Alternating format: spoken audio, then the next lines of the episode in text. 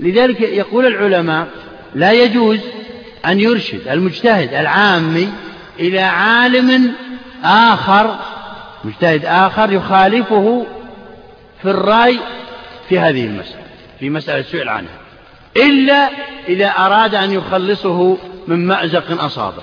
نعيد الكلام. يعني مثلا أنا أقول بجواز أو بوجوب زكاة الحلي. سألني سائل وقال هل يجوز أو هل تجب زكاة الحلي؟ وأنا أعرف أنه فقير وأنه محتاج إلى أقصى وعنده حلي بسيط جدا.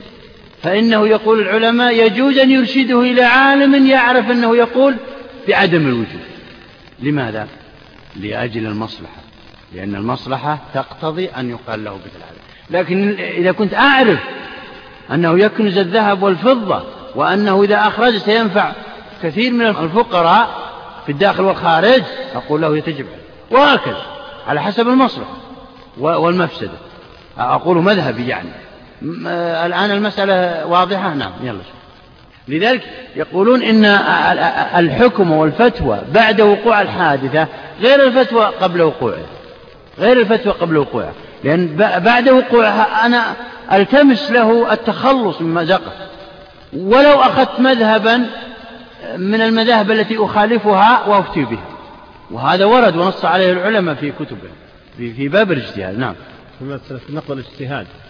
يعني يحكم بالأحكام المستقبلة يحكم باجتهادها الجديد لكن اللي قضى فيها السابق قضى فيها قال انت ما يحكم فيها نعم. أما إذا كانت في مسألة فيها مصالح فإن المسألة توقف فيها.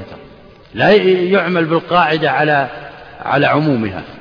فالمسألة مخصصة ترى في آه، بسبب المصالح أو دفع المفاسد. لذلك قد يستغرب الواحد يقول قد تكون أجل الأحكام على حسب المصالح وكذا. لا. الآن مثلا عندكم مرخصة في العراية نهى عن المزابنة. فلما رأى الحرج في نفوس الفقراء يريدون رطبا مثل الناس رخص في العراية. هذا مراعاة للآخرين. رأى أن أن دفع المفسدة يقتضي هذا. كذلك النبي صلى الله عليه وسلم لما أراد هدم الكعبة آه، تركها لأن حديث عهد في الإسلام قد يقولون هذا بدأ يهدم كعبة التي لها سنوات وقرون.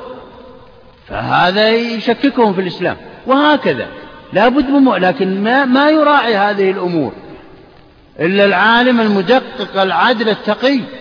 لا يأتي أي شخص ويراعي ظروفه ومصالحه ومصالح عائلته ويقول هذه تقتضيها المصلحة. لا هذا ليس بصحيح وهو آثم به نعم. فصل في التقليد. التقليد في اللغة وضع الشيء في العنق مع الإحاطة به ويسمى ذلك قلادة والجمع قلائد. قال الله تعالى ولا الهدي ولا القلائد ومنه قول النبي صلى الله عليه وسلم في الخيل لا تقلدوها الأوتار قال الشاعر قلدوها تمائما خوف واش وحاسدي ثم يستعمل في تفويض الأمر إلى الشخص استعارة كأنه ربط الأمر بعنقه كما قال لقيط الأيادي وقلدوا أمركم لله دركم رحب الذراع بأمر الحرب مطلعا وهو في عرف الفقهاء. نعم ما سبق كله تعريف التقليد في اللغة. والقلائد كانوا كان الناس يجعلون في أعناق بهائمهم بعض العلامات ويقلدونها أو يجعلون في أعناق في أعناقها دفعا للحسد والعين وكما يقولون. فلذلك سموها تمائم إذا وأرادوا فيها أنهم إيه أنهم يدفعوا بها العين. والقلادة هي ما يحيط بالعنق في اللغة. يحيط بالعنق. والمقلد هو المتبع لغيره بدون اجتهاد منه. هذا المقلد.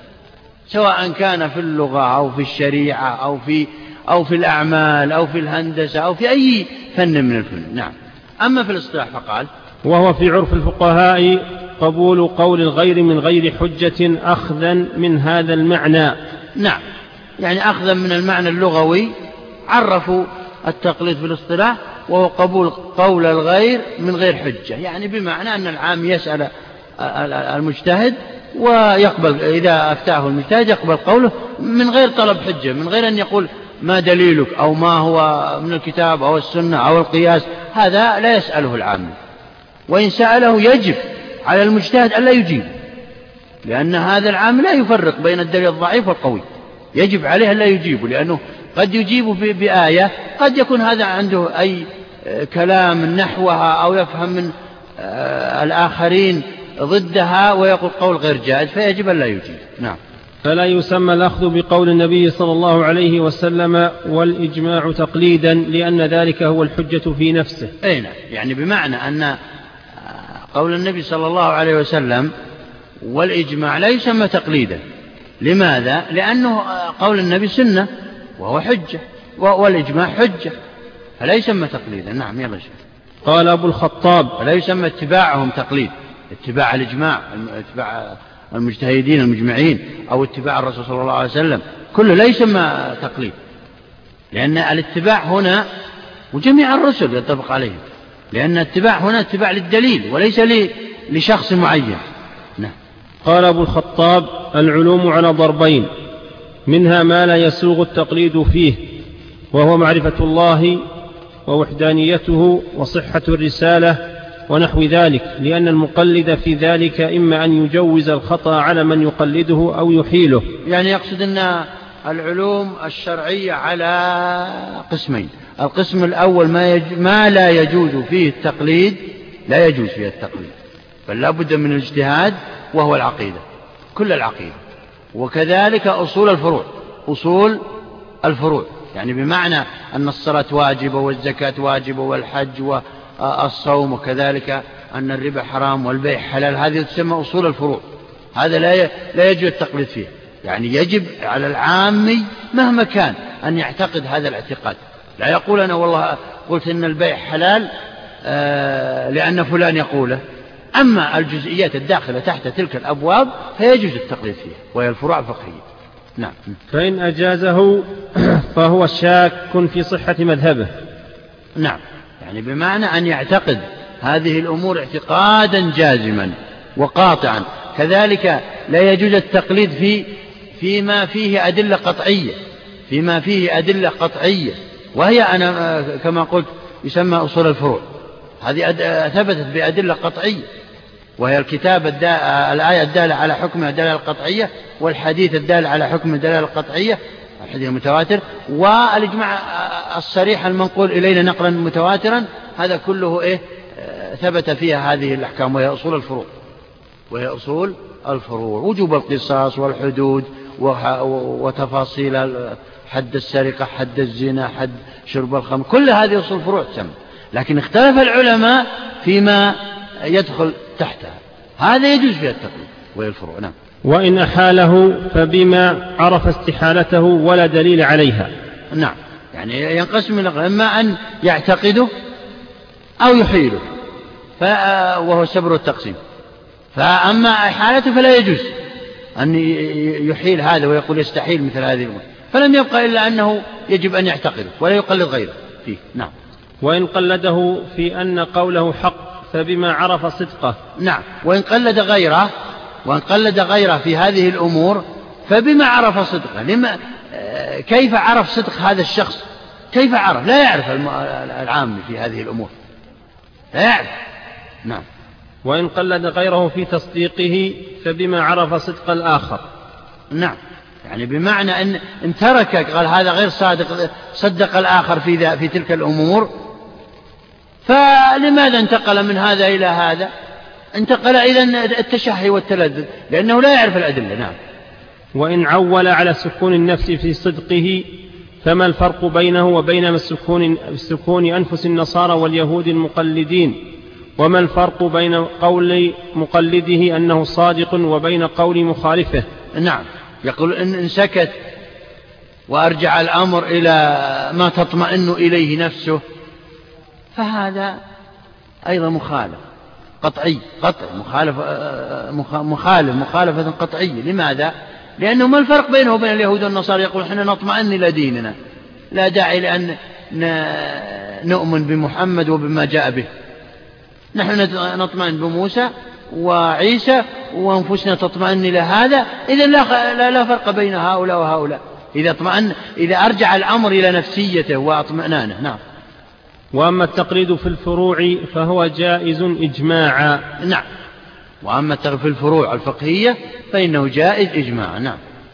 فكانت الحجة فيه الإجماع ولأن المجتهد في الفروع إما مصيب وإما مخطئ مثاب غير مأثوم بخلاف ما ذكرناه. نعم. لا يقول آه، عندنا دليلان. الدليل الأول الإجماع. أجمع العلماء على أنه يجوز التقليد في الفروع الفقهية. الثاني أن المجتهد في الفروع الفقهية إما مصيب وله أجران أو مخطئ له أجر وغير آه، مأثوم غير آثم غير آثم إذا أخطأ إذا أخطأ نعم. فالإنسان في هذه الحالة يقلده سواء أخطأ أو أصاب لا أصلا لا يعلم المجتهد هل هو أخطأ أو أصاب. نعم. فلهذا جاز التقليد فيها بل وجب على العامي ذلك. وذهب بعض القدرية إلى أن العامة يلزمهم النظر في الدليل في الفروع أيضا. نعم بعض المعتزلة آه، ذهبوا إلى هذا أن العوام يجب أن يجتهدوا. نعم.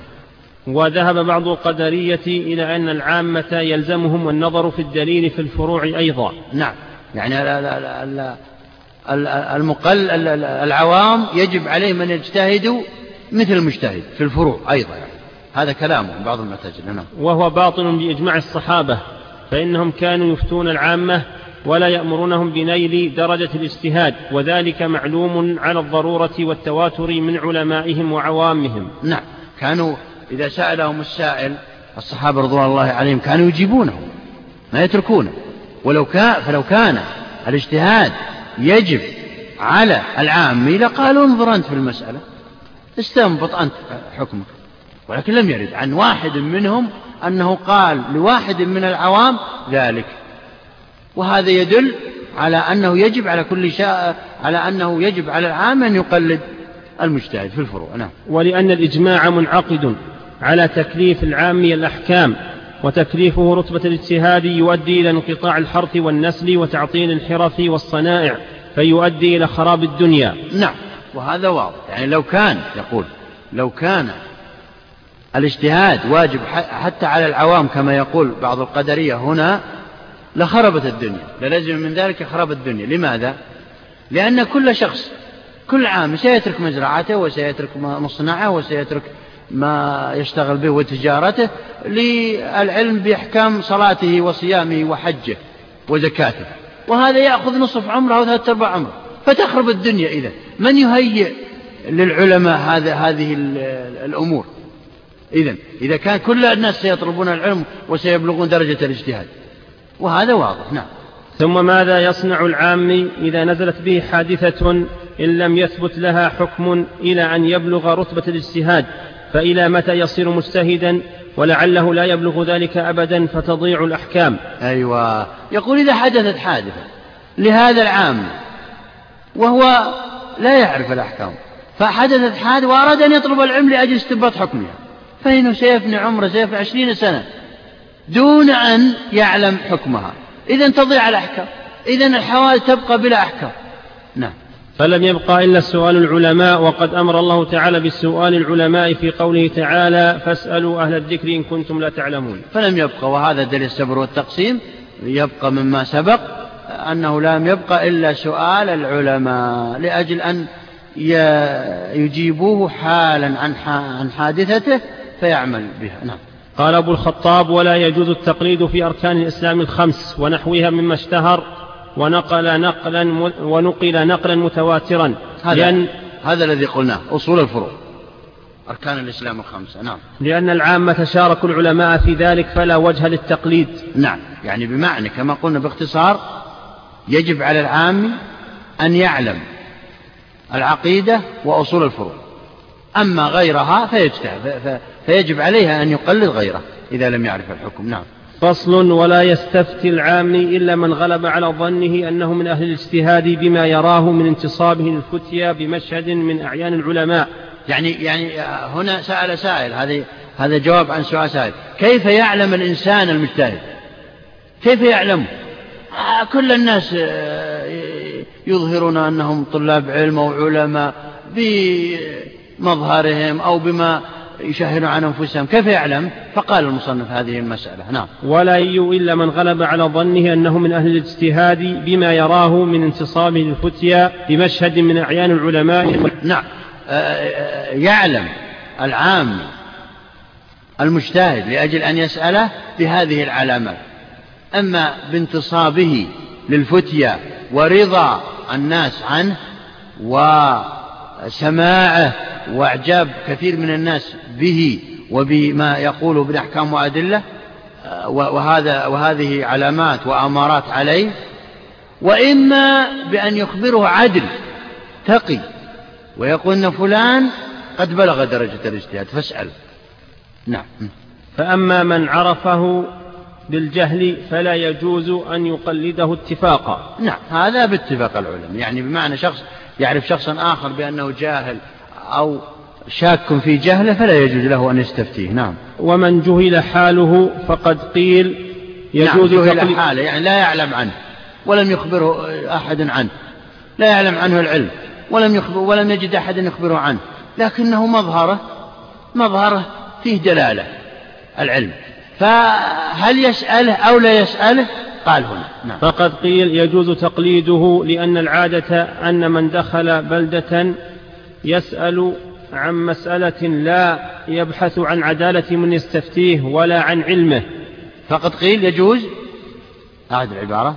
فإن قيل فقد قيل يجوز تقليده. نعم. مجهول الحال وهو الذي لا يعرف عنه شيء لا علم. ولا عدالة ولا جهل ولا فسق. ما يعلم عنه شيء. فاختلف العلماء فيه. هل يسأل أو لا يسأل؟ المذهب الأول أنه يجوز. يجوز تقليده. نعم فقد قيل يجوز تقليده لأن العادة أن من دخل بلدة يسأل عن مسألة لا يبحث عن عدالة من يستفتيه ولا عن علمه. وإن منعتم من, من السؤال عن علمه فلا يمكن منع السؤال عن عدالته. وهو حجة لنا في الصورة الممنوعة. وهذا غير صحيح. هذا القول غير صحيح. يعني مجهول الحال. على اسمه مجهول الحال. قد يكون أجهل من السائل. وقد يكون أعلم من العلماء. وهذا الاحتمال آه متأرجح. يعني لا لا يرجح أحدهم على الآخر. فلا يجوز سؤال. فيجب على السائل أن يسأل الناس. إذا كان إذا قدم بلدة لا يعرف العالم فيها. يسأل الناس من هو عالمكم ومن هو الذي آه، تستفتون عند الحوادث إلى آخره وهنا يخبرونه أو يخبر أكثرهم بأن فلان كذا وكذا. نعم. وإن منعتم من السؤال عن علمه فلا يمكن منع السؤال عن عدالته وهو حجة لنا في الصورة الممنوعة. قلنا كل من وجب عليه قبول قول غيره وجب معرفة حاله فيجب على الأمة. فيجب على الأمة معرفة حال الرسول بالنظر في معجزاته ولا يصدق ولا يصدق. كل مجهول, كل مجهول يدعي أنه رسول الله.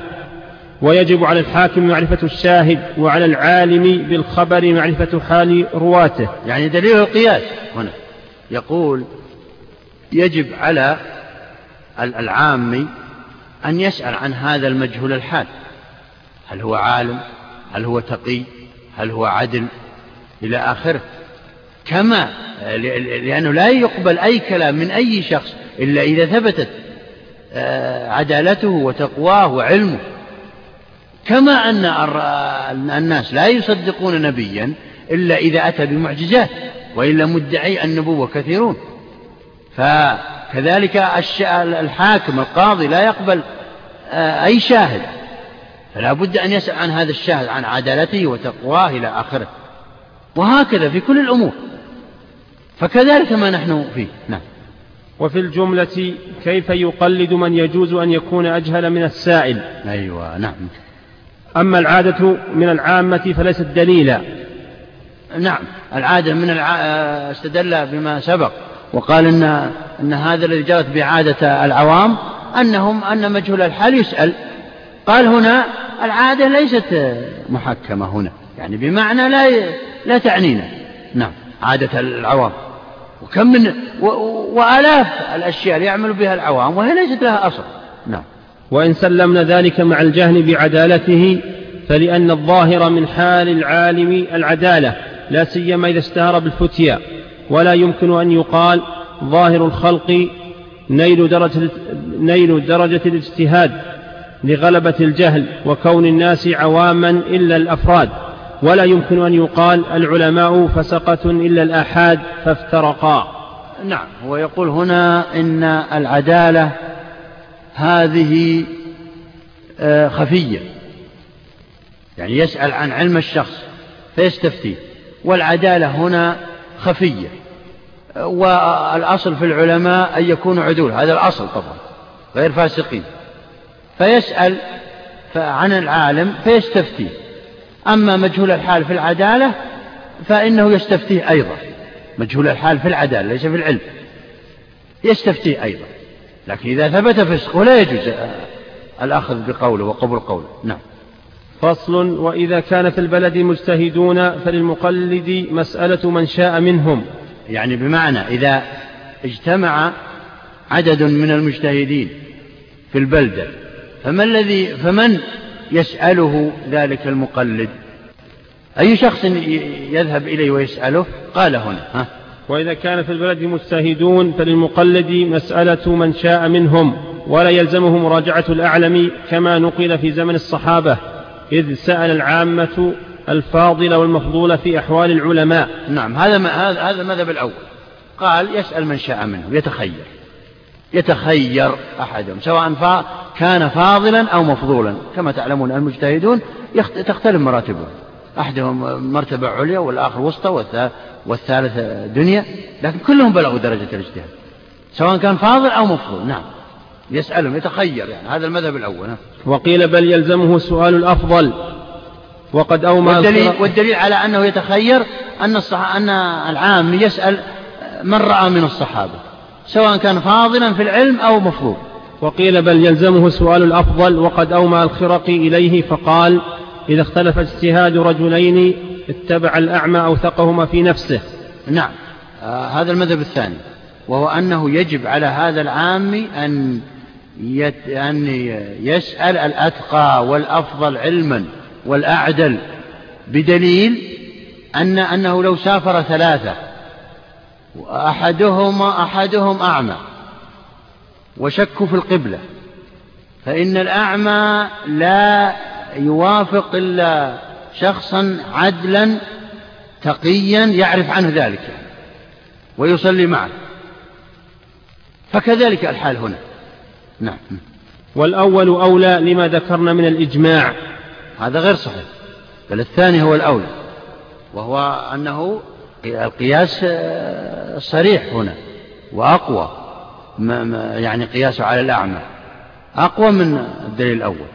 فكان الصحابة رضوان الله عليهم كانوا إذا سئلوا سئل الواحد من قال اذهب إلى فلان فإنه أكثر مجالسة للنبي صلى الله عليه وسلم. هذا يدل على أن الفاضل ينبغي أن يسأل دون المفضول نعم. وقول الخرقي يحمل ولم يوجد إجماع. من قال قال لما قلناه من الإجماع؟ هذا لم يوجد. لما ذكرنا من الإجماع. هذا لم يوجد. حتى الصحابة ما ما كانوا يجمعون على هذا. بل بل إن السائل يقال ذكر هذا أن السائل يسأل عشرين صحابيا كل واحد يقول اذهب إلى فلان فإنه أكثر مجالسة للنبي صلى الله عليه وسلم مني. لأنه إيه؟ يقولون إن سؤال الفاضل أولى من سؤال المفضول أو الأقل علما يعني. وقول الخرقي يحمل على على ما إذا سألهما فاختلفا وأفتاه كل واحد بخلاف قول صاحبه فحينئذ يلزمه الأخذ بقول الأفضل في علمه ودينه. وهذه هي المسألة المفروضة في هذا. المسألة المفروضة في أي شيء؟ إذا اختلف طبعا. أما إذا اتفقا فكأنه قول واحد أصلا. أنت مع إيه؟ يعني بمعنى أنه إذا اتفق العلماء سواء كان فاضل أو مفضول فإنه يختار. لا شك هو قول واحد أصلا. لكن إذا اختلف المسألة مفروضة فيه إذا اختلف العلماء. يعني اختلف الفاضل قال يجوز والمفضول قال لا يجوز. فإنه يأخذ بقول الفاضل. نعم. وفيه وجه آخر أنه يتخير لما ذكرناه من الإجماع. نعم ما ما ما في إجماع ذا ولا لكن عاد. ولأن العام لا يعلم الأفضل حقيقة بل يغتر بالظواهر وربما يقدم المفضول فإن لمعرفة مراتب الفضل أدلة غامضة ليس دركها شأن العوام. ولو جاز ذلك جاز له النظر في المسألة ابتداء. يعني يقول إن العام لا يعرف الفاضل ولا المفضول فقد يقدم الفاضل. نقف على هذه النقطة. بسم الله والحمد لله والصلاة والسلام على رسول الله. نعم. بسم الله الرحمن الرحيم. الحمد لله رب العالمين والصلاة والسلام على نبينا محمد وآله وصحبه أجمعين. قال الإمام ابن قدامة رحمه الله تعالى ووجه القول الأول أن أحد القولين خطأ وقد تعارض عنده دليلان فيلزمه الأخذ بأرجحهما كالمجتهد المسألة أعداء أولا يعني أول المسألة إذا كان في البلد مجتهدون فللمقلد مسألة من شاء منهم. أي نعم نعم. اختلف العلماء في هذه المسألة. فقال بعضهم إنه يختار. أي عالم من العلماء يسأله. دون أن ينظر إلى أن هذا العالم فاضل أو مفضول. ما دام أنه بلغ درجة الاجتهاد يسأل. أنت معي؟ نعم. أي نعم. هذا المذهب. قال آخر الكلام. ووجه القول الأول أن أحد القولين خطأ وقد تعارض عنده دليلان فيلزمه الأخذ بأرجحهما كالمجتهد يلزمه الأخذ بأرجح الدليلين المتعارضين نعم. بعضهم يقول إنه لا بد من العمل بقول الفاضل وترك قول المفضول. والدليل على هذا فالإنسان إذا تعارض عنده دليل المجتهد إذا تعارض عنده دليلان فيجب عليه أن يأخذ بالأقوى وترك الأضعف وترك الضعيف. يقول يتوسع. ويعرف الأفضل بالأخبار بالأخبار وبإذعان المفضول له وتقديمه له وبأمارات تفيد غلبة الظن دون البحث عن نفس علمه والعامي أهل لذلك. نعم. يقول إن العمل بقول الفاضل واجب من واجبات الدين كالأخذ بالأقوى من الأدلة. ومعرفة الفاضل كأن المعترض يقول بأنه يصعب على العام معرفة الفاضل من المفضول. أجاب هنا فقال ولأن من اعتقد أن الصواب في أحد القولين لا ينبغي له أن يأخذ بالتشهي وينتقي من المذاهب أطيبها. نعم أجاب هنا آه، فقال إن معرفة الفاضل من العلماء لا تصعب على بعض على كثير من الناس. بل يسأل الناس ويكثر الأسئلة أيهما أفضل فلان أو فلان؟ أيهما أتقى فلان أو فلان؟ والناس يجيبونه. ويعرفون الناس يعرفون يعني من يحيطون بهم من العلماء. نعم. ويعرف الأفضل بالأخبار وبإذعان المفضول له وتقديمه له. نعم. يعني بمعنى أن من طرق معرفة الفاضل أن المفضول يذعن له يعني يسأل المفضول الفاضل. عادة بين العلماء يجري في البلدان أن إذا كان في البلد الواحد عالم فاضل وعالم مفضول فإن المفضول يسأل الفاضل وهذا واضح لدى, لدى الناس جميعا. فالعلماء كما قلت مراتب وإن كانوا كلهم يبلغون درجة الاجتهاد فالأولى أن يسأل الفاضل ويترك المفضول إذا وجد معا يعني إذا وجد معا. نعم. وبأمارات تفيد غلبة الظن دون البحث عن نفس علمه والعامي أهل لذلك. نعم والعامي أهل لذلك. العامي مؤهل بأن يسأل وعنده من العقل ما يفرق به بين العلماء من حيث علمهم وتقواهم وورعهم ومنزلتهم وقدمهم وحديثهم وإلى آخره. فهو أهل لأن يعرف هذه الأمور لا, يص... لا تصعب عليه هذه الأمور. نعم. والإجماع محمول على ما إذا لم يسألهما إذ لم ينقل إلا ذلك. نعم. آه، يقصد أن الإجماع المحكي عن الصحابة أنهم كانوا أن المفضول يجيب مع وجود الفاضل وحكي إجماع الصحابة على ذلك. هذا يحمل على أن المسؤول لم يسأل حتى الآن. يعني جاء, جاء يريد أن يسأله فقال له اذهب فاسأل فلان من الصحابة فإنه أكثر مجالسة للنبي صلى الله عليه وسلم مني. نعم. فأما إن استوى عنده المفتيان جاز له الأخذ بقول من شاء منهما لأنه ليس قول بعضهم بأولى من البعض. هذه مسألة جديدة. المسألة السابقة إذا وجد عالمان أحدهما فاضل يعني أعلم والآخر مفضول أقل من علم.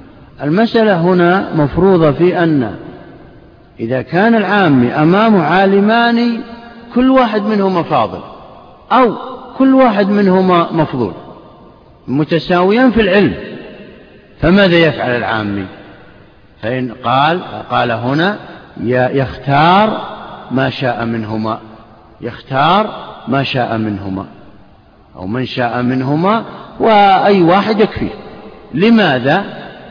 قال لأن كل واحد منهما ليس بأولى من الآخر فكل واحد منهما وصف بالأفضلية بالعلم والتقوى والعدالة. نعم. وقد رجح قوم القول الأشد لأن الحق ثقيل. نعم. بعضهم طبعا هذا القول الأول وأنه يختار أو يختار منهما واحدا ويسأل لأن كل واحد منهما ليس بأولى من الآخر. بعضهم ذهب إلى أنه, أنه يختار الشخص منهما المتشدد في الدين. المتشدد في الدين. يعني بمعنى آه، يأخذ بالأدلة المصعبة للإسلام عن غيره. قال دليله لأن الحق شديد وثقيل. الحق ثقيل على الإنسان. نعم. ورجح الآخرون الأخف لأن النبي صلى الله عليه وسلم بعث بالحنيفية السمحة. نعم. وهذا المذهب الثالث وهو أن العام يختار من يتسامح ويأتي بالحكم الخفيف على الناس لأن النبي صلى الله عليه وسلم بعث بالحنفية السمحة. نعم. وهما قولان متعارضان فيسقطان. نعم. قال وهما قولان متعارضان يعني كل واحد منهما في قوة الآخر. هذا يقول يؤخذ بالأشد وهذا يقول يؤخذ بالأخف.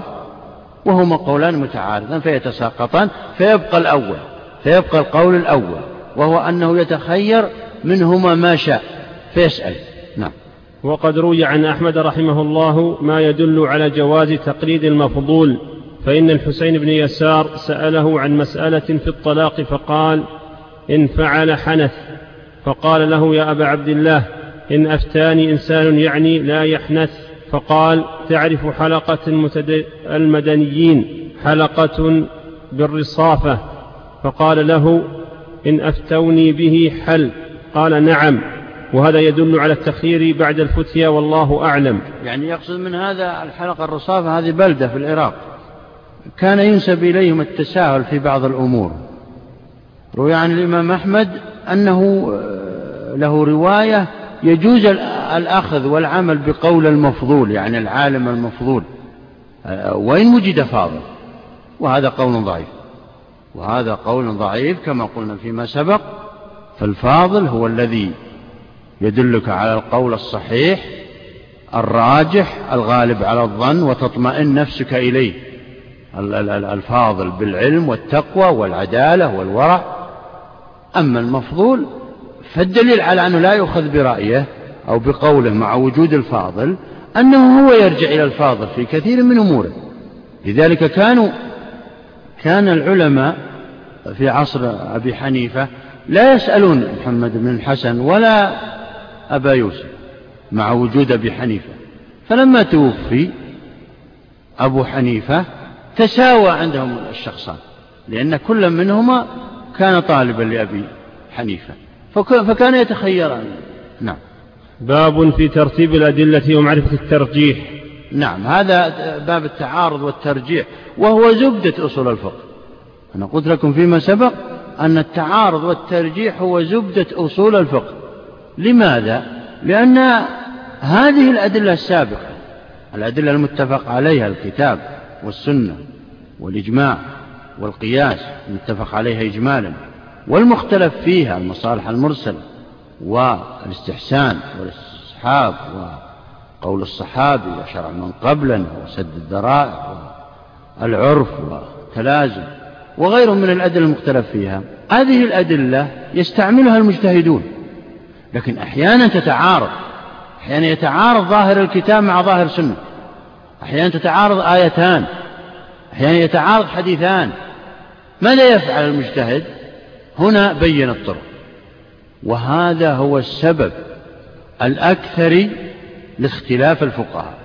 هو باب التعارض والترجيح.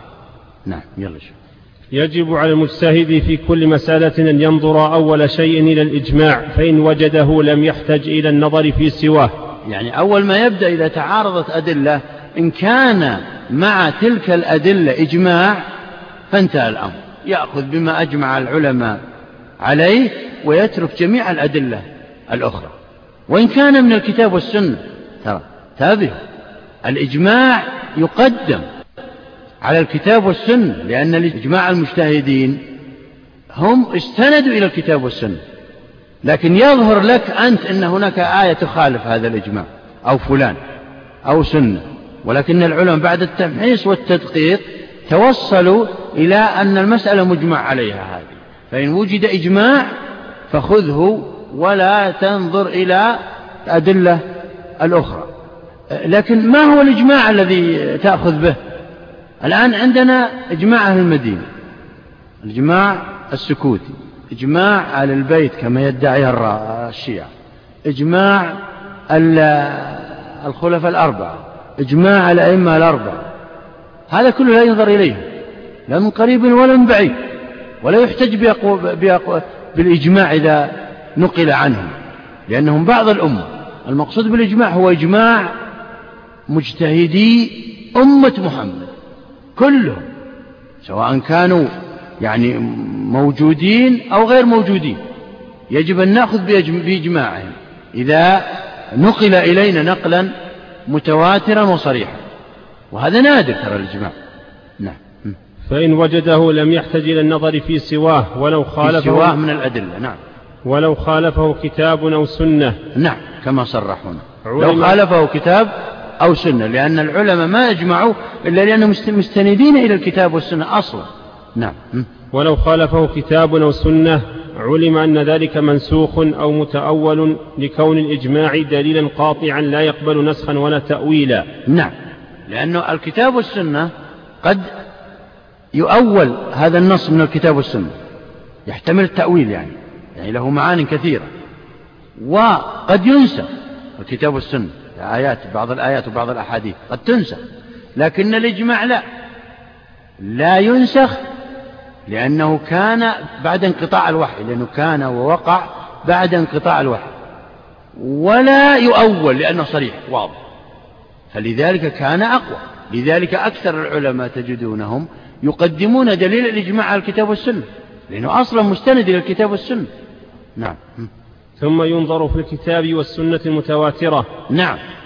إذا وجدت أدلة متعارضة ووجد معها سنة متواترة سواء كانت متواترة ألفاظ أو متواترة معاني فإنه يقدم الحديث المتواتر. نعم. وهما على رتبة واحدة لأن كل واحد منهما دليل قاطع. نعم. يقصد الإجماع والسنة المتواترة. كل منهما دلالته وثبوته قاطع. نعم. ولا يتصور التعارض في القواطع إلا أن يكون أحدهما منسوخا. نعم. لا يتصور التعارض بين أدلة مقطوع بها. إلا إذا كان أحدهما ناسخ والآخر منسوخ. نعم. ها؟ أي نعم. يعني يقصد الكتاب والسنة المتواترة. ألا يقصد ذلك؟ لا الكتاب متواتر. الكتاب أصلا مجمع على أنه متواتر. يشير المقصود به الإجماع الإجماع والمتواتر من الكتاب والسنة. ممكن نقول العبارة هكذا. أما أما الكتاب فهو متفق على أنه متواتر. لكن المشكلة السنة بعضها متواتر وبعضها أحد. إذ, لو قلنا بأن الكتاب فيه ما هو متواتر وغير متواتر لا شككنا في أمرنا. أي لا المراد هو والإجماع والمتواتر من الكتاب والسنة. هكذا العبارة. نعم. ولا يتصور أن يتعارض علم وظن لأن ما علم كيف يظن خلافه؟ نعم. لا يتصور تعارض دليل ظني مع دليل قطعي.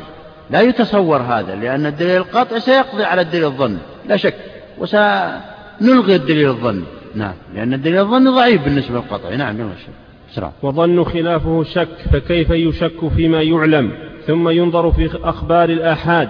نعم بعد ذلك ننظر في أخبار الآحاد إذا تعارضت نعم فإن عارض خبر خاص عموم كتاب أو سنة متواترة فقد ذكرنا ما يجب تقديمه منها. في باب العموم.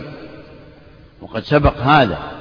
إذا تعارض خاص من الكتاب خاص من السنة مع آية أو مع حديث متواتر عام فإننا نقدم الخاص على العام.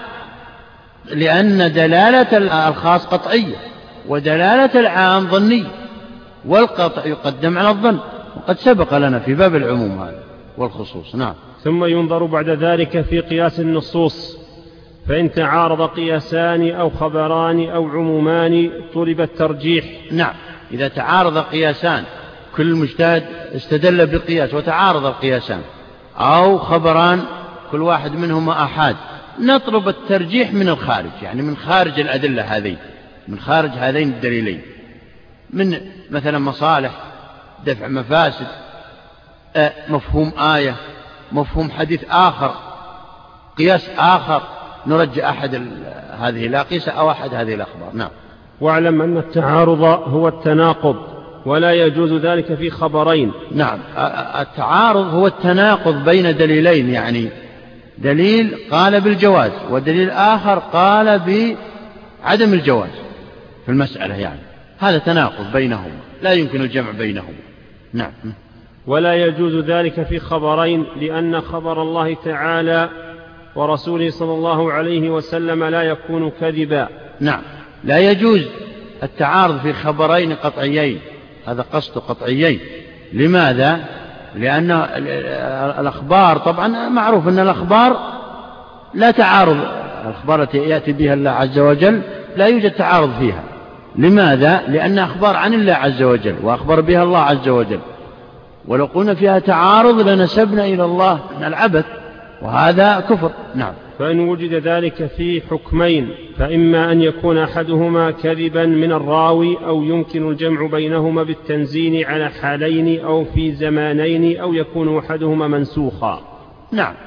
إذا وجدنا خبرين متعارضين فإنه لا بد من الاحتمالات هذه. إما أن الراوي قد كذب في واحد منهما وننظر إلى السند وإما أن أحدهما ناسخ الآخر.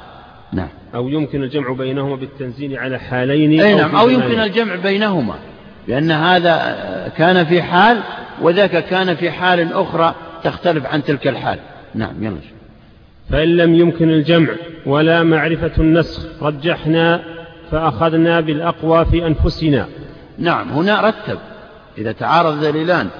فأول ما يبدأ الإنسان به المجتهد أن يجمع أن يجمع بينهما أن يجمع بينهما إن استطاع. فإن لم يقدر بحث. يمكن يجد أحد الدليلين آه أنه منسوخ. فإن لم يجد إذا يثبت التعارض. لا بد من الترجيح. لا بد من الترجيح بينهما. لا يتركان هكذا. نعم. ويحصل الترجيح في الأخبار من ثلاثة أوجه. نعم. هنا بدأ بالمرجحات. كأن سائلا سائل قال إن لم أجد الجمع ولم أجد الناسخ وتعارض وأريد أن أرجح فماذا أفعل؟ فما هي المرجحات؟ قال المرجحات كما يلي يلا. الأول يتعلق بالسند وذلك أمور خمسة.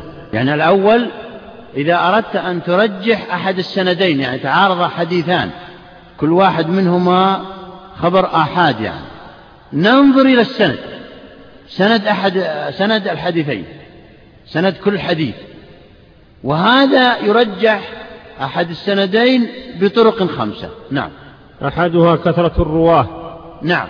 إذا كان الرواة كثيرون لحديث دون حديث آخر فإننا نرجح ما رواته أكثر من الآخر. إذا كان حديث رواته خمسة والآخر الحديث الآخر المعارض له رواته أربعة فإننا نرجح ما رواته خمسة. نعم. فإنما كان رواته أكثر كان أقوى في النفس. وكذلك في الأخبار الآن في الأخبار التي تأتيك الآن العادية. فإنه آه، الأخبار إذا تعارضت عندك في شيء ترجح ما كثر آه، يعني قائلوه وما رددوه. نعم. فإنما كان رواته أكثر كان أقوى في النفس وأبعد من الغلط أو السهو. نعم. وهذا دليل الترجيح بالكثرة. يعني إذا اجتمع عشرة على خبر نقدمه على ما اجتمع عليه خمسة لأنهم أبعد عن الغلط وأبعد عن السهو وأبعد عن التواطؤ على الكذب. نعم. فإن خبر كل واحد يفيد ظنا على انفراده. فإذا انضم أحدهما إلى الآخر كان أقوى وآكد منه لو كان منفردا. لا شك. يعني بمعنى أن هؤلاء العشرة كل واحد خبره ظني. اجتمعت هذه الظنون العشرة فقوت الخبر لا شك هذا يكون أقوى من الخمسة رواة الحديث الآخر لأنهم أقل ظنيات. نعم. ولهذا ينتهي إلى التواتر بحيث يصير ضروريا قاطعا لا يشك فيه. نعم. إذا بلغ هؤلاء حد التواتر وحد التواتر هو الذي يجتمع يرويه جماعة لا يتو... لا يمكن تواطؤهم على الكذب يعني اتفاقهم على الكذب هذا يسمى متواتر. نعم. وبهذا قال الشافعي وقال بعض الحنفية لا يرجح به بالكثرة يعني. طبعا جمهور قالوا بأنه يرجح بالكثرة. بعض الحنفية قالوا لا يرجح بالكثرة لأنهم قد يكثرون. هذا دليلهم ماذا قالوا فيه؟ ها عندك؟ لا يرجح به بالكثرة يعني. لأنه خبر يتعلق به الحكم. فلم يترجح بالكثرة كالشهادة والفتوى. نعم. يقول هنا إن الكثرة هؤلاء لا يرجح بهم. قد يكون كثير ولكن كل كل واحد منهم ضعيف. بينما القليلين بينما القلة كل واحد منهم قوي. فلا يرجح بالكثرة. عاد العبارة. وقال بعض الحنفية لا يرجح به لأنه خبر يتعلق به الحكم فلم يترجح بالكثرة كالشهادة والفتوى. حتى نعم وقاسوا أيضا على الشهادة بأن شهد شاهدان في مسألة معينة عند القاضي أه، وشهد ثلاثة ضد هؤلاء الشهود يعني في القضية يعني نفسها. هل القاضي يرجح ما شهد به الثلاثة؟ لا يقولون. يرجح أه، ما شهد به شاهدان وما شهد به الثلاثة والزيادة لا ينظر إليه. يقولون كأنهما كأنهم شهدا نعم. قلنا الأصل ما ذكرناه بدليل أمور ثلاثة. نعم. قلنا الأصل ما ذكرناه وهو الترجيح بالكثرة لأمور ثلاثة. أحدها ما ذكرناه من غلبة الظن وتقديم الراجح متعين لأنه أقرب إلى الصحة. نعم. أحدها أن يكون الكثرة أقرب إلى الصحة. الكثرة أقرب إلى الصحة وهذا شيء مشاهد بالعيان.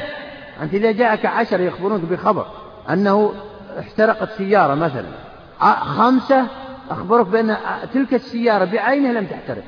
أيهم الذي تصدق؟ مع أن كل واحد منهم طبعا في في عدالته وتقواه واحد. لا شك أنك تميل إلى قول العشرة. نعم. ولذلك إذا غلب على الظن كون الفرع أشبه بأحد الأصلين وجب اتباعه. نعم. لأن العمل بالغالب واجب. قاعدة شرعية العمل بالغالب واجب. لا شك أن نفسك ترتاح للكثرة.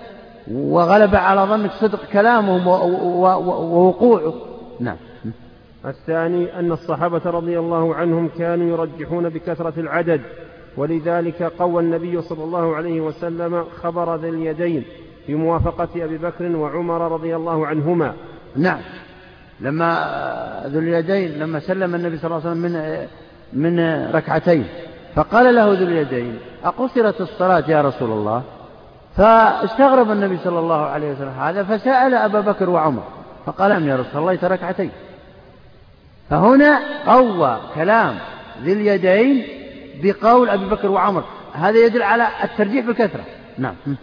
وأبو بكر قوى خبر المغيرة في ميراث الجدة بموافقة محمد بن مسلمة. نعم. أبو بكر جاءته الجدة تطلب السدس فقال لا أجد لك شيئا في كتاب الله ولا في سنة رسول الله. فقال المغيرة أشهد أن النبي صلى الله عليه وسلم قد أعطاها السدس. فقال من يشهد معه؟ فقال المغيرة أنا. فقوى خبر بهذا. هذا يدل على أن الكثرة ينظر إليها. نعم. وقوى عمر خبر المغيرة أيضا في دية الجنين بموافقة محمد بن مسلمة. نعم. وهذا أيضا مثله. يلا يشوف وقوى خبر أبي موسى في الاستئذان بموافقة أبي سعيد. وقوى نعم. ابن ابن عمر خبر أبي هريرة في من شهد جنازة بموافقة عائشة. نعم. إلى غير ذلك مما يكثر فيكون إجماعا منهم. نعم.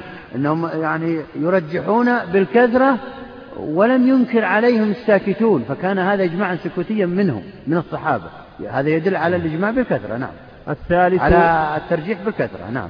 الثالث أن هذا عادة الناس في حراستهم وتجاراتهم وسلوك الطريق فإنهم عند تعارض الأسباب المخوفة يميلون إلى الأقوى. نعم لا شك. يعني بمعنى إذا قال لك خمسة إن هذا الطريق فيه أسد وقال لك ثلاثة إن هذا الطريق ليس فيه أسد فإنك تقبل كلام الخمسة وهذا من عادات الناس. يقوون أحكامهم بكثرة المخبرين. نعم. فأما الشهادة فلم يرجحوا فيها وسببها أن باب الشهادة مبني على التعبد. ولهذا لو شهد بلفظ هذا جواب الحنفية. لما قالوا لا يرجح بالكثرة لأنه إذا شهد شاهدان في المسألة وشهد ضدهم ثلاثة فإن المسألة تكون متأرجحة بين هؤلاء وهؤلاء. نعم. ولهذا لو شهد بلفظ الإخبار دون الشهادة لم يقبل. هذا الجواب. صحيح. فأما الشهادة فلم يرجحوا فيها. وسببها أن باب الشهادة مبني على التعبد. نعم. يعني على التعبد يعني أمر الشارع بأن يكتفى بشاهدين ما زاد عنهم لا لا يرد هذا قصد. يعني بمعنى لو جاب شخص مئة شاهد وشخص آخر شاهدين كل يكون كل واحد مساوي للآخر في الشهادة. هذا شاهدا وهذا شاهدا. لا ينظر إلى ما زاد. وهذا تعبد. ويشهدوا ذوي عدل. يعني بمعنى أنه نص في التعبد. نعم. ولهذا لو شهد بلفظ الإخبار دون الشهادة لم يقبل ولا تقبل شهادة مئة امرأة على باق على باقة بقل. أي نعم. يعني بمعنى أنه لو قال أنا أخبر لا أشهد ولكني أخبر بأن فلان قتل فلان. هذا لا يقبل منه.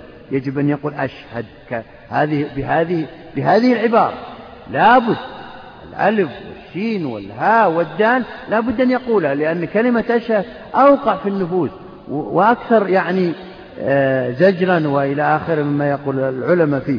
لكن إذا قال أخبر بأن كذا وكذا لا يقبل منه لأنه متعبدين بهذه الحروف.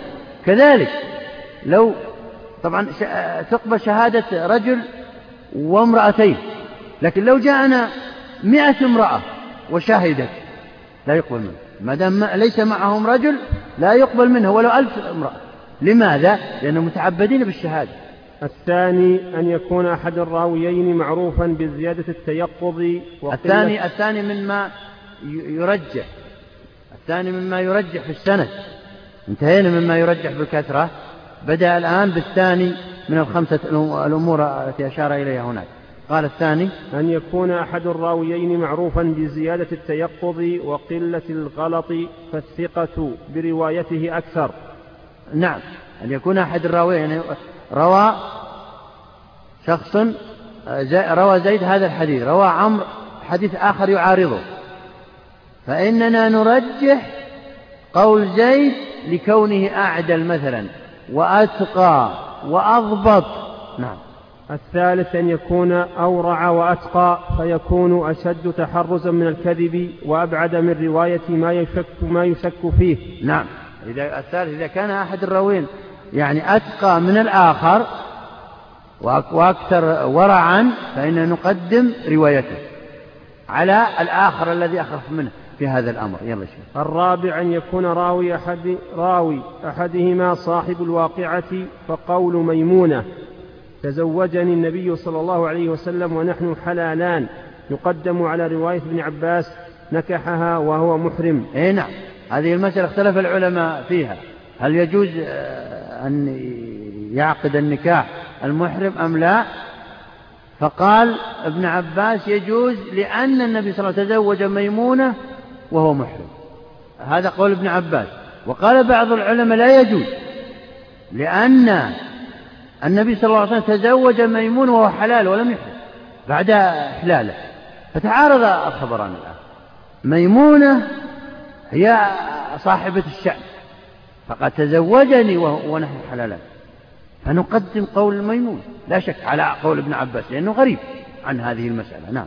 الخامس أن يكون أحدهما باشر القصة كرواية برافع تزوج النبي صلى الله عليه وسلم ميمونة وهو حلال وكنت السفير بينهما أين؟ مع رواية ابن عباس التي ذكرناها فإن المباشر أحق بالمعرفة من الأجنبي. أي نعم هذا هو الخطيب خاطب للنبي صلى الله عليه وسلم وهو الذي باشر المسألة.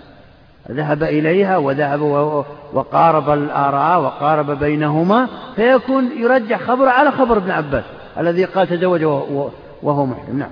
ولذلك قدم الصحابة أخبار أزواج النبي صلى الله عليه وسلم في صحة صوم من أصبح جنبا وفي وجوب الغسل من التقاء الختانين بدون الإنزال على خبر من روى خلاف ذلك. أي نعم. لما اختلف العلماء في هذه المسائل في المسائل السرية بين الزوجين كان العلماء علماء الصحابة ومن جاء بعدهم يقبلون يرجحون أخبار نساء النبي صلى الله عليه وسلم في ذلك في هذه المسائل السرية لأن لا يعلمها إلا هن فكانوا لأنهم أعلم بالحال مما ممن يخبر وهو جاهل أو غريب أو بعيد.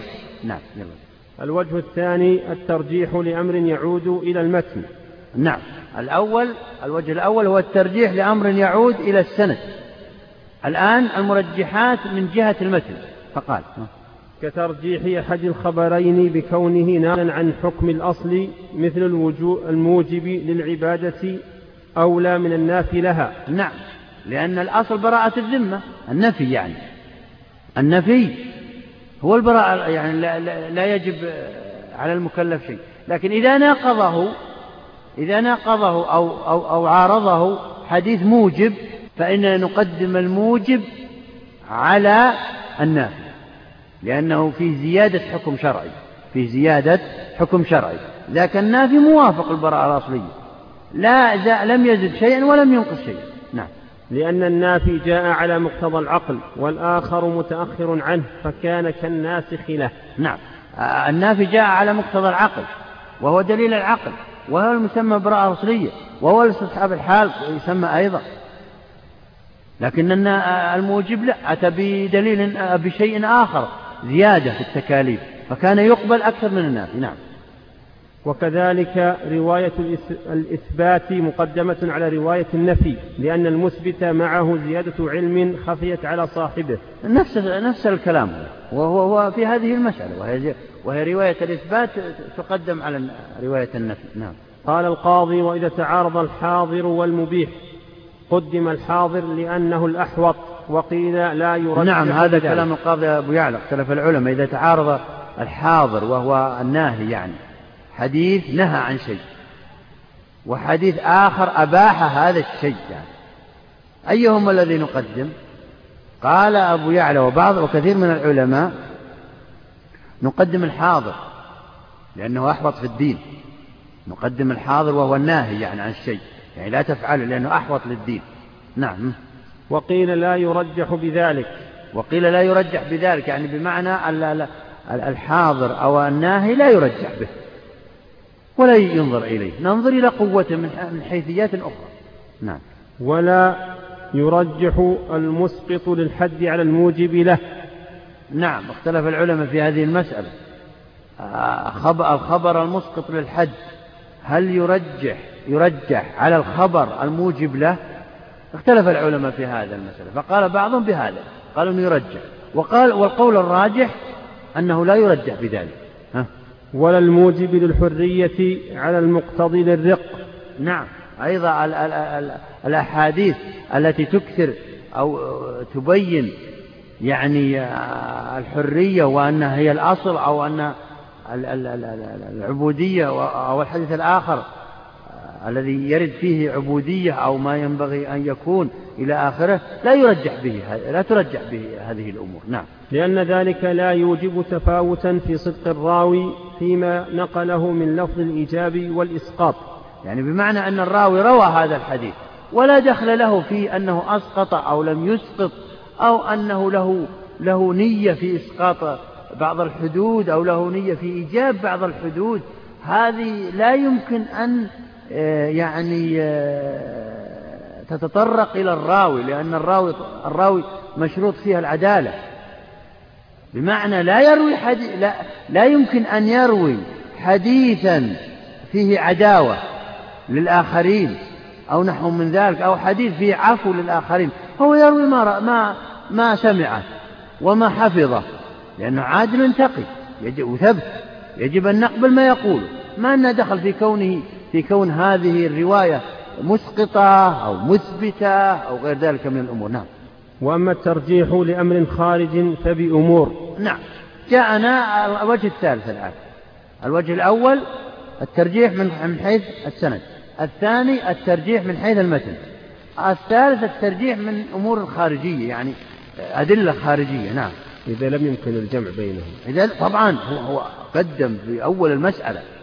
قال إذا يم إذا أمكن الجمع فنعمل به. طبعا بعد الإجماع وبعد المتواتر من الكتاب والسنة إذا أمكن الجمع فإن نقبل. وإذا لم يمكن فإن ننظر. إن أمكن أن أحدهما ناسخ للآخر فإن نعمل به. وإن لم يمكن فلا بد من الترجيح. قال أوجه الترجيح ثلاثة. إما من السند كما سبق أو من المتن أو من أمر خارجي كما سيأتي. نعم. وأما الترجيح لأمر خارج فأمور منها أن يشهد القرآن والسنة أو الإجماع بوجوب العمل على وفق الخبر أو يعضده قياس أو يعمل به الخلفاء أو يوافقه قول صحابي. نعم. إذا تعارض خبران هذا يجيز وهذا يحرم. فوجدنا أن هناك آية طبعا تمام التعارض يمكن الجمع ولا شيء. فإذا وجدنا آية منطق آية أو مفهوم آية. يرجع أحد الخبرين؟ فإننا نرجح به ونترك الآخر. أو وجدنا قياس أو مصلحة أو أي دليل معتبر من الأدلة نرجح به ونترك الخبر الآخر. وإن لم نجد نعم. أو يعمل به الخلفاء أو يوافقه قول صحابي كموافقة خبر التغليس. أو يعمل به الصحابة. أو يعني طبعا جماعة الصحابة أو بعضهم. بعض الصحابة من الخلفاء وغيرهم وغير الخلفاء الآن هو خصص الخلفاء وهذا غير صحيح. بل جميع أي يعني صحابي عمل بحديث دون الآخر فإن معناه أن هذا الحديث هو الراجح. نعمل به ونترك الآخر. نعم.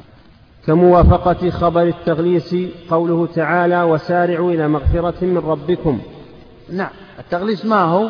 هو أن النساء كن يخرجن ولا يعرفن من الغلس. هذا وافقته آية ظاهر آية. فلذلك رجح رجح هذا على غيره.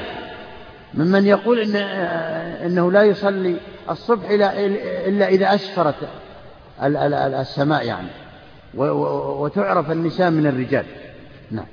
الثاني أن يختلف أن يختلف في وقف أحد الخبرين على الراوي والآخر متفق على رفعه.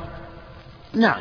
يعني إذا اختلف إذا تعارض خبران أحدهما قيل أنه موقوف على قيل أنه مرفوع وقيل أنه موقوف على الراوي. والآخر اتفق العلماء على أنه مرفوع النبي صلى الله عليه وسلم فإن نرجح المرفوع لا شك ونترك المختلف فيه. نعم. الثالث أن يكون راوي أحدهما قد نقل عنه قد نقل عنه خلافه فتتعارض روايتاه. ويبقى الآخر سليما عن التعارض فيكون نعم. أولى. يعني إذا تعارض خبران زيد روى خبر وعمر روى خبر آخر وهما متعارضان. زيد روى هذا الخبر لكنه لم يعمل به. لم يعمل به. فهذا يدل على أنه آه، فيه شك ذاك الخبر. فنقبل الخبر الآخر. وفي هذه المسألة كتاب اسمه مخالفة الصحابي للحديث النبوي الشريف. مطبوع في مجلد صغير. وفي هذه النقطة لأنه وجدت أن بعض الرواة للأخبار لا يعملون بأخبارهم مع أنهم مع أنهم رووه.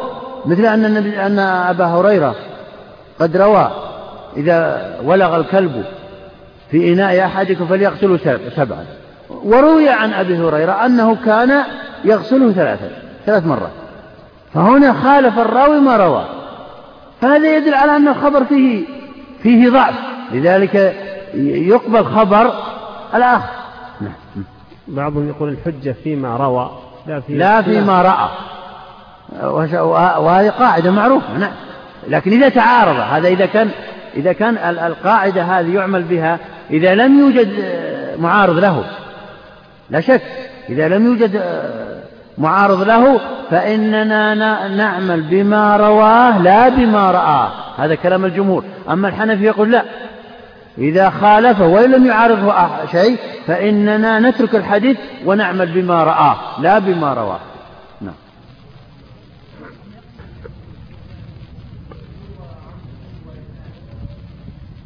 لا لا لا روايتان لا. لا روايتان عن الأئمة ليس عن يعني تقصد أنه روايتان عن عن هذا رواية نعم تخالف ما رواه. يعني روي روي عن لحظة. روي عن أبي هريرة أنه كان يغسل الإناء من ولوغ الكلب ثلاث مرات. فخالف ما رواه وهو أنه روى عن النبي صلى الله عليه وسلم أنه كان يقول أنه يقول إذا بلغ إذا ولغ الكلب في ناحية بلغته سبعة لاحظت فهنا الرواية الرواية عن أبي هريرة خالفت روايته عن النبي صلى الله عليه وسلم. هذا هو المقصود هنا. نعم. الرابع أن يكون أحدهما مرسلا والآخر متصلا فالمتصل أولى لا شك. لأنه متفق عليه وذلك مختلف فيه. المت... المرسل وهو المنقطع يعني يقول التابع قال النبي صلى الله عليه وسلم مع أنه لم يشاهد النبي صلى الله عليه وسلم هذا يسمى مرسل وهو منقطع. بينما الحديث الآخر المعارض له رواه صحابي وقال قال النبي صلى الله عليه وسلم كذا وهو مخالف له فإننا نقبل قول الصحابي لأنه متصل. نعم. فصل في ترجيح المعاني. نعم المعاني هي العلل. المعاني هي العلل الشرعية يعني وهي وهو المقصود بها القياس. القياس. نعم يلا شيخ. قال أصحابنا ترجح العلة بما يرجح به الخبر من موافقتها لدليل آخر من كتاب أو سنة أو قول صحابي أو خبر مرسل. يعني العلة إذا تعارضت علتان في المسألة في, في القياس. فإننا نرجح أحد العلتين بموافقة الكتاب ظاهر كتاب أو, أو مفهوم آية أو مفهوم حديث أو, أو, أو مصلحة أو قياس آخر أو غير ذلك من الأدلة المعتبرة كما قلنا في إيه؟ في الخبران. في الخبرين إذا تعارضا في الخبرين إذا تعارضا نعم. أو بكون إحداهما ناقلة عن الأصل كما قلنا في الخبر. نعم. إذا كانت آه، أحد إذا كانت إحدى العلتين ناقلة عن الأصل يعني أوجبت والعلة الأخرى الأخرى مبقية على الأصل فإننا نقدم الناقلة لأنها أتت بجديد في الشريعة. أما المبقية فهي موافقة للأصل. وهي البراءة الأصلية كما قلنا فيما سبق في الخبر. نعم. فأما إن كانت إحداهما حاضرة والأخرى مبيحة أو كانت إحداهما مسقطة للحد أو موجبة للعتق ففي الترجيح بذلك اختلاف فرجح به قوم احتياطا للحظر ونفي, ونفي الحد. نعم. هذا كما قلنا في الخبر قياسا على الخبر. إذا كان الخبر مسقط للحد إذا كان الخبر كذا وكذا نفس العلة يقال فيها نفس الكلام السابق لا داعي لتكراره نعم. ولأن الخطأ في نفي هذه الأحكام أسهل من الخطأ في إثباتها. نعم يقول أنه إذا نفيت هذه الأحكام أهون وأحوط للمسلم من أنها تثبت. لأن إذا أثبت الإنسان في حديث معين أو نحو من ذلك فإنه سيسأل عما أثبته سيعمل وسيطالب بالعمل به. نعم. ومنع آخرون الترجيح بذلك من حيث إنهما حكمان شرعيان فيستويان. نعم وهذا الذي رجحه هناك في الخبر ترى. نعم يلا. ولأن سائر العلل لا ترجح بأحكامها فكذا ها هنا. نعم يعني يقصد أن العلل حكم العلة لا ترجح بأحكامها وإنما ترجح بقوتها ومسلكها. يعني سبق لنا في القياس مسالك العلة. إذا كان إذا, إذا أثبت زيد آه، علة آه، بإجماع. فإن نقدمها على العلة التي أثبتها عمرو بالدوران والسبر والتقسيم أو الوصف المناسب لأن هذه اجتهادية وهذا نقل والنقل يقدم على الاجتهاد. نعم. ورجح قوم العلة بخفة حكمها لأن الشريعة خفيفة. كما قال هناك كما قال هناك بالضبط. يعني بمعنى أن الخبر أحد الخبرين إذا كان خفيفا يقدم لأن الشريعة خفيفة وجاء بالحنيف السمح نعم وآخرون بالعكس لأن الحق ثقيل. نفس الكلام السابق كما قلنا يلا وهي ترجيحات ضعيفة. نعم. فإن كان كما قال هناك يتساقطان فيبقى الأول وهو أنه يرجح بقوة الدليل. فإن كانت إحدى العلتين حكما والأخرى وصفا حسيا كون ككونه قوتا أو مسكرا. فاختار القاضي ترجيح الحسية. الحسية لأنها مشاهدة. ترجيح الحسية لأنها مشاهدة. أقوى من المعنوية. لا شك. نعم. ومال أبو الخطاب إلى ترجيح الحكمية لأن الحسية كانت موجودة قبل الحكم. فلا, يلزم فلا يلازمها حكمها والحكم أشد مطابقة للحكم. لا لا هو قول القاضي أولى في هذه المسألة وهذه من المسائل المخ... مسائل الخلاف بين أبي يعلى وتلميذ أبي الخطاب. أن أبا يعلى قال بأنها ترجح العلة الحسية أو ما لأن مشاهدة وملموسة ومعروفة ومتواتر ومقطوع بها أو تقرب من القطع. لكن الحكمية لا لم يقطع بها. نعم يلا شيخ. ورجح القاضي بأن الحسية كالعلة العقلية والعقلية قطعية فهو أولى مما يوجب الظن. نعم بمعنى أقوى الظنون هي العلة العقلية والحسية كالعقلية لا فرق بينهما. بل بل إن العلة العقلية تقرب من القطع نعم وهي التي يعرفها أصحاب العقول السليمة دون العلماء يعني. أصحاب العقول السليمة يعرفون أن هذا الغيم مثلا سيمطر الآن وأن هذا الجدار المائل سيسقط وأن وأن إلى آخره. فهذه تسمى العلل العقلية هي التي إيه؟ يرجح بها. وهي قريبة من المحسوسة. نعم. ولأنها لا تفتقر إلى غيرها في الثبوت. بمعنى أن العلة العقلية يكفي العقل في إثباتها دون أن آه، يستأنس بغيرها. نعم. وقيل هذا كله ترجيح ضعيف. يعني آه، بمعنى أنه العقلية والحكمية لا يرجح بهما معا نعم. وذكر أبو الخطاب ترجيح العلة إذا كانت أقل أوصافا لمشابهتها العلة العقلية. نعم. يقول إنه إذا تعارف علتان أحدهما كثيرة الأوصاف والأخرى قليلة الأوصاف فإننا نرجح قليلة الأوصاف لأن تكون عد حدها. دون كثيرة الأوصاف لأن كثيرة الأوصاف تحتمل احتمالات ظنية كثيرة نعم. ولأنها أجرى على الأصول. لأن الأصول أن الأصل أن يكون نعم.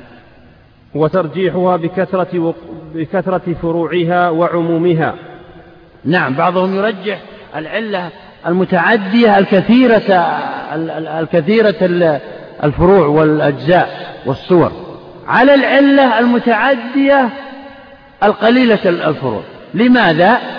لماذا يرجح الكثيرة لأنها الأصلح للعباد والبلاد لأنها تثبت أحكاما شرعية لكثير من الصور والآحاد. نعم. ثم اختار التسوية وأن هذين لا يرجح بهما لأن العلتين سواء في إفادتهما حكمهما وسلامتهما من الفساد. يعني آه، بعض العلماء قالوا بأنه لا يرجح بهذه الأمور لا كثيرة الفروع ولا قليلة الفروع ولا يرجح بها لأن العلة هي العلة اسمها علة متعدية لا يرجح بها. ثم أننا لا نعلم أن هذه كثيرة فروع وهذه قليلة فروع إلا بعدما يقع الفرع. والفرع لا يكثر أو يقل إلا بعد نهاية الدنيا. نعم. ومتى صحت لم يلتفت إلى كثرة فروعها ولا كثرة أوصافها. نعم. لعدم أو لصعوبة علم ذلك. نعم. ورجح العلة المنتزعة من الأصول على من تزع من أصل واحد. نعم لا شك أن العلة المأخوذة من عدة أصول يعني من عدة أدلة ترجح على العلة التي أخذت من أصل واحد من دليل واحد. لأن تلك أقوى لا شك نعم. لأن الأصول شواهد بالصحة نعم. فما كثرت شواهده كان أقوى في إثارة غلبة الظن. لا شك أن كثرة الأصول الآن في الأحكام الشرعية إذا كثرت الأدلة على حكم يقدم على الحكم المنازع له والمعارض له قليل الأدلة. نعم. ورجح العلة المضطردة المنعكسة على ما لا ينعكس لأن الطرد والعكس دليل على صحة العلة ابتداء. لا شك أن العلة إذا لم تنقض فإنها أصح من المنقوضة. وهي أنها غير مضطردة يعني في جميع الأشياء. تتخلف يعني تتخلف العلة في بعض الصور. هذه ضعيفة لكن العلة التي لا تتخلف أبدا وهي المضطردة تسمى والمنعكسة هذه يرجح بها لأن هذه أقوى من تلك. نعم. لما فيه من غلبة الظن فلا أقل من أن يصلح للترجيح نعم. بمعنى أن المضطردة أغلب للظن وأثبت من غير المضطردة. يعني قد توجد العلة ولا يوجد الحكم. وقد يوجد الحكم ولا توجد العلة. فهنا هذه غير مضطردة فهي ضعيفة كما سبق لنا في نعم. ورجح العلة المتعدية على القاصرة لكثرة فائدتها. لا شك هذا وهذا هو المقصود من من الترجيحات بالمعاني ترجيحات المعاني وهو لأن العلة المقصود بها العلة المتعدية وليست القاصرة. القاصرة لا دخل لها في الترجيحات أبدا. لأن القاصرة لا يجوز القياس بسببه لكن المتعدي لا يجوز القياس بسببه كما سبق لنا تكراره في باب القياس. نعم. ومنع ذلك قوم لأن الفروع لا تبنى عن قوة في ذات العلة بل القاصرة أوفق للنص. هذا لمن قال بأن لا قياس بأنه لا قياس في الشريعة.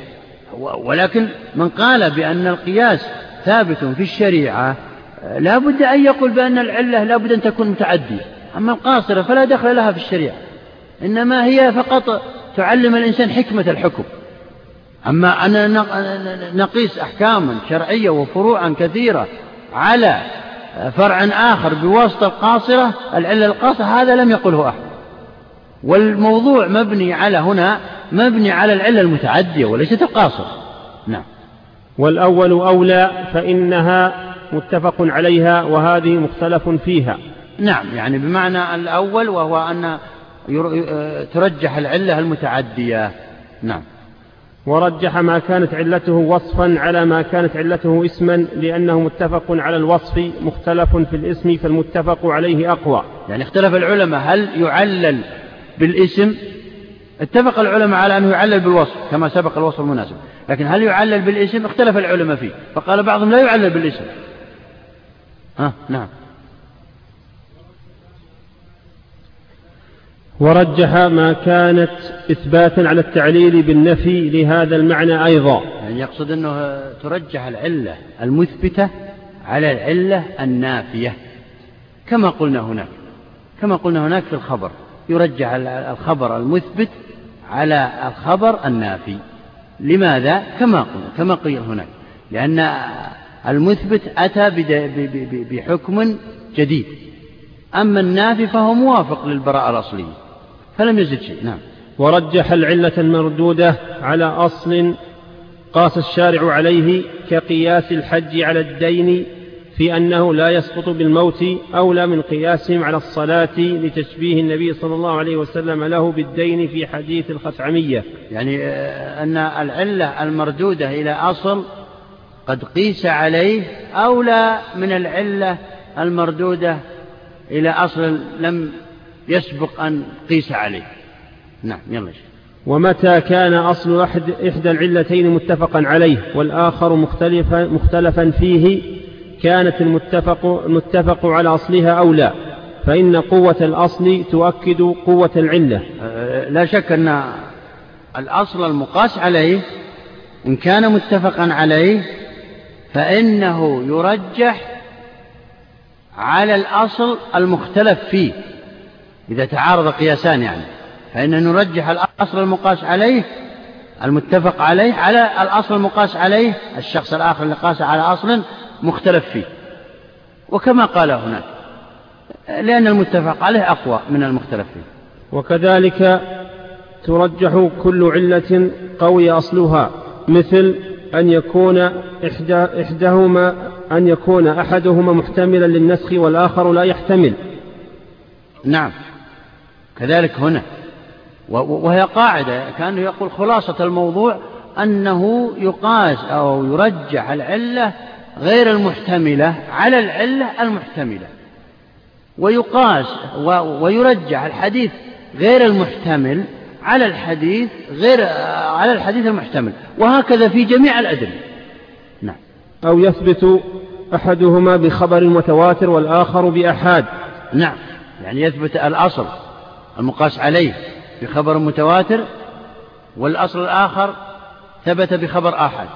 فإن لا شك أننا نرجح من قاس على أصل ثبت بالتواتر على قياس الشخص الآخر الذي قاس على أصل ثبت بالأحد. نعم. أو أحدهما ثابتا بروايات كثيرة والآخر برواية واحدة أو أحدهما بنص صريح والآخر بتقدير أو إضمار. نعم. وهذا كله آه، نتيجة لما قال هناك وهو الحاصل أنها تقوى العلة أو الأصل القوي على الضعيف في كل هذه الأمور. نعم. أو يكون أحدهما أصلا بنفسه والآخر أصلا لآخر. نعم. يعني آه، مثل ما قلنا في المسألة السابقة لا يجوز القياس على ما ثبت بالقياس. لا يجوز القياس على ما ثبت بالقياس. فإننا إذا تعارض قياسان قياس آه، قاسه على حكم ثبت بالقياس. الآخر قاس على حكم ثبت بنص. فإننا نرجح ما ثبت آه، القياس الثاني وهو ما ثبت بنص. وهو القياس على ما ثبت بنص دون ما ثبت بالقياس نعم. أو أحدهما اتفق على تعليله والآخر اختلف فيه. نعم. كذلك هنا الأصل الذي اختلف العلماء في تعليله يرجح عليها الأصل الذي اتفق على اتفق العلماء على تعليله لأن المتفق عليه أقوى كما قلنا فيما سبق. وكلها ترى هذه الأحكام مرددة فيما سبق لكن أراد أن يمثل فقط. أو يكون دليل أحد الوصفين مكشوفا معينا والآخر أجمعوا على أنه بدليل ولم يكن معينا. نعم. يعني بمعنى أن اللفظ ظاهر واضح غير مبهم. يرجع على اللفظ المبهم غير الظاهر. نعم يلا شوف. أو يكون أحدهما مغيرا للنفي الأصلي والآخر مبقيا عليه فالمغير أولى لأنه حكم شرعي والآخر نفي للحكم على الحقيقة. نعم لأن المغير أتى به جديد. أما المثبت لما سبق فهو تبع للبراءة الأصلية. نعم. وترجح العلة المؤثرة على الملائمة والملائمة على الغريب. نعم المؤثرة كما قلنا هناك الوصف المناسب. مناسب ومؤثر وغريب. فإنه يؤثر فإن نقدم المؤثر على الملائم والملائم على الغريب كما رتبت هناك فيما سبق. نعم. والمناسبة على على الشبهية. يعني الوصف المش... الوصف الشبهي العلة التي تشبه هذا الأصل وتشبه تلك الأصل طبعا المناسب يرجع عليه والملائم. نعم. لأنه أقوى في تغليب الظن والله سبحانه أعلم وصلى الله على نبينا محمد وعلى آله وصحبه وسلم تسليما كثيرا. لأن لا شك أن الوصف المناسب والمؤثر أغلب من الشبه بالظن يعني والغريب. الغريب آخر المراتب كما سبق في القياس. وهذا آخر هذا الشرح الميسر والمختصر لروضة الناظر لابن قدامة ومن أراد التوسع فليذهب إلى إتحاف ذوي البصائر بشرح روضة الناظر أو يذهب إلى المهذب في علم أصول الفقه فكلها تؤدي إلى علم مباحث أصول الفقه بأسلوب عصري مفهوم. والحمد لله أولا وآخرا وصلى الله على نبينا محمد وعلى آله وصحبه أجمعين.